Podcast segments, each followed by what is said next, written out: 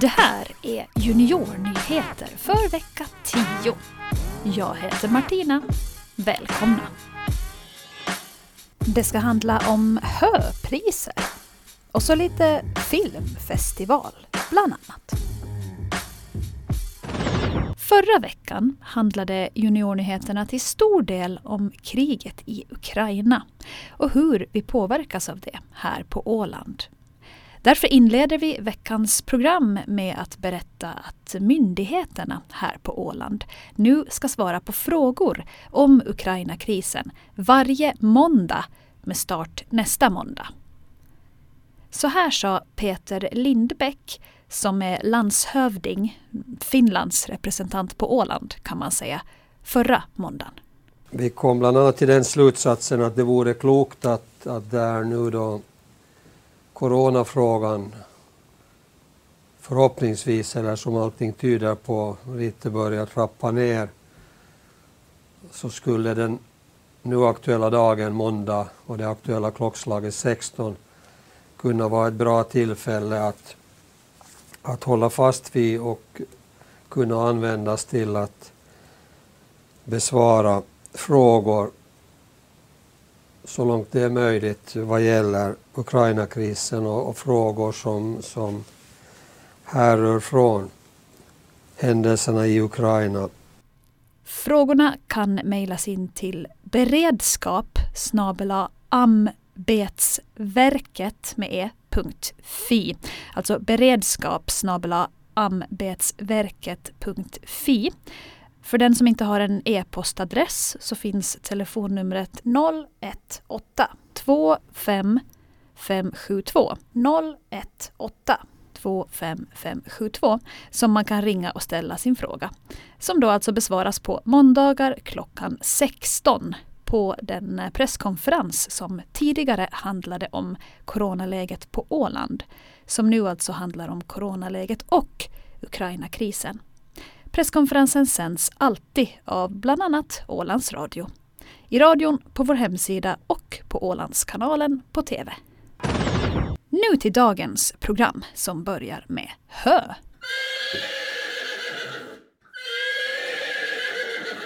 För alla er som lyssnar som har ett hästintresse. För något som kriget i Ukraina för med sig, som man kanske inte tänker på, är att priset på hö, eller grovfoder, alltså hästarnas mat, kan komma att stiga.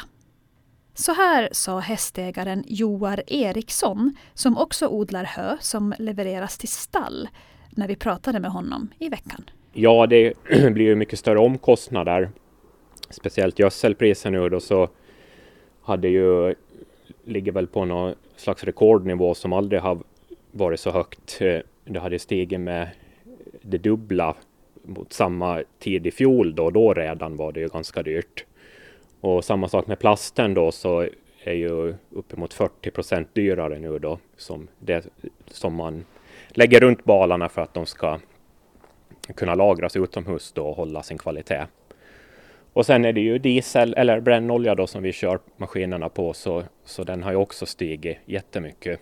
Så det, så plussar man ihop allt det där så blir det ju en ganska stor kaka som, som kommer till som vi inte kan påverka på något vis eller utan det är ju världsläge och, och, och lite andra faktorer som påverkar det där.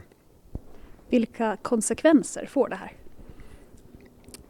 Ja, konsekvenserna blir ju det att slutprodukten blir ju dyrare att framställa. Det, det, är väl den, den största skillnaden och sen eh, blir man väl och funderar lite på hur, hur, hur mycket man kan eh, sats, eller alltså när den blir så dyr odlingen att man vet att det finns avsättning för den för det är ju svårt att, eller alltså om man ska kunna ta ut det priset som man behöver göra så kommer det att bli en ganska rejäl höjning.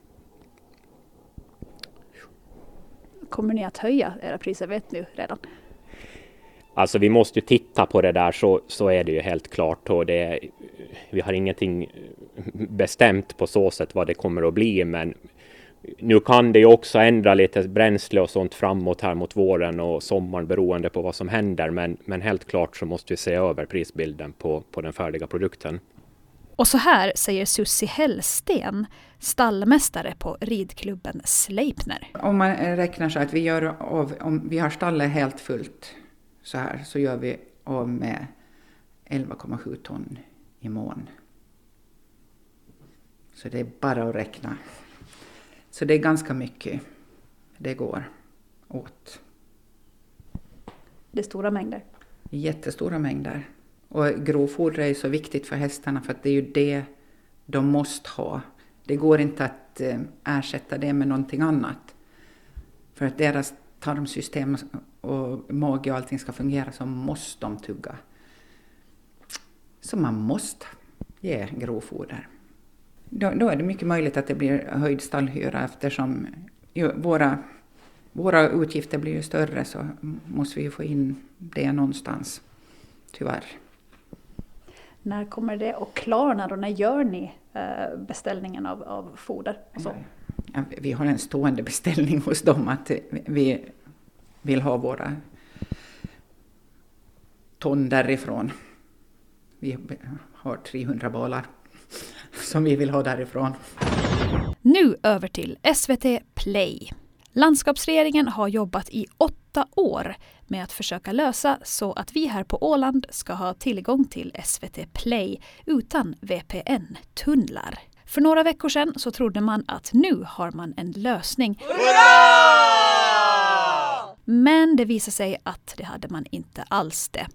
Så här säger kansliminister Harry Jansson, som är den i landskapsregeringen som har ansvar för de här frågorna. Sen eh, drygt eh, tre veckor tillbaks då är vi tillbaks i en situation där vi inte för idag har en lösning. Då. Det är en lösning som vi ännu då för några veckor sedan trodde att vi hade då i form av ett förslag från, från eh, regeringen Marin i Helsingfors om att då tillställa riksdagen en ny regeringsproposition där då vi ska ha en lösning av bland annat SVT-problematiken på det viset att man via avtalslicenser skulle kunna trygga dels att det kan ske vidareutsändning också över Åland av, SFT, SVT Play och det samtidigt tryggar upphovs, upphovsrättsliga delen. Det vill säga att de som hade gjort, skapat de här verken, de får sin ersättning. Hur stora tror du möjligheterna faktiskt är att ni lyckas och att SVT Play ska bli tillgängligt för ålänningarna?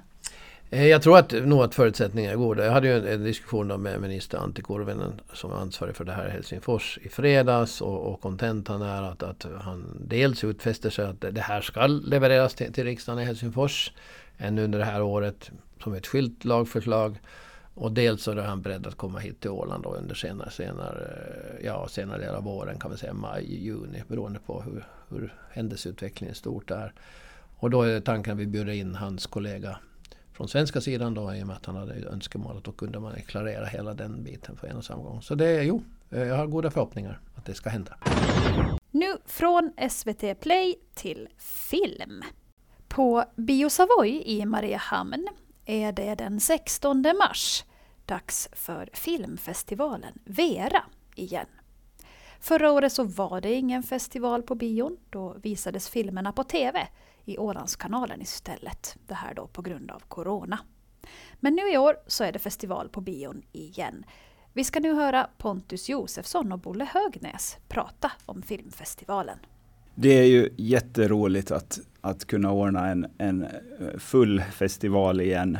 Eh, även, även om vi ju var otroligt glada över, över eh, samarbete med Ålandskanalen förra året så, så är ju en festival Eh, ska man ju träffa människor på. Eh, så det känns väldigt bra.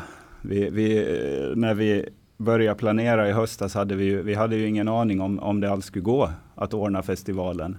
Men vi bestämde att vi, vi satsar för fullt och, och går det inte så, så får vi flytta helt enkelt. Men nu kommer det ju att gå att genomföra. Eh, men om vi eh, tittar lite på programmet och gärna kanske lite fokus på de åländska filmerna. Vad har vi för, för några i år? Ja, jag kan ju berätta lite kort om det Ålandskvällen eftersom jag haft hand om hela upplägget här. Det har ju blivit en tradition på Vera då att vi alltid börjar med onsdagen med åländska filmer, både gamla och nya. Och i år har vi ju Ja, vi har två premiärer. Dels min, eh, min Den här vägen till bålet, men sen har Ivar Jansson också en premiär på sin film Ett, ett hav. Där han intervjuar eh, ålänningar och deras inställning till havet. Så det ska bli väldigt intressant. Och eh, sen har vi ju som, som vi alltid har gamla filmer från Åland. Jag tycker vi har en väldigt intressant som vi fick från Finlands filmarkiv som är tagen Åland sommaren 1935. Och sen fortsätter vi med en segelfartygsfilm. En seglats med fullriggaren Lavenir då från Mariehamn till Australien. Vi visar del ett i fjol och nu fortsätter vi del två. Så det är en del av filmen, filmerna på onsdagen. Sen är det också premiär, vad jag förstår, för eh, Lukas Åsbackas och David Lundbergs film In the Loop. Som, som eh, handlar om eh, några ålänningar som, som eh, försöker få den här hyperloop att svänga förbi Åland. Den här Elon Musks projekt med, med tåg i, i, eh, i vakuumtuber. Eh, så det ska bli spännande att se den filmen också. Och festivalen startar alltså den 16 mars. Det är på onsdag nästa vecka. Det här var allt från Juniornyheterna för vecka 10. Juniornyheterna är tillbaka igen nästa fredag. Ha nu en trevlig helg!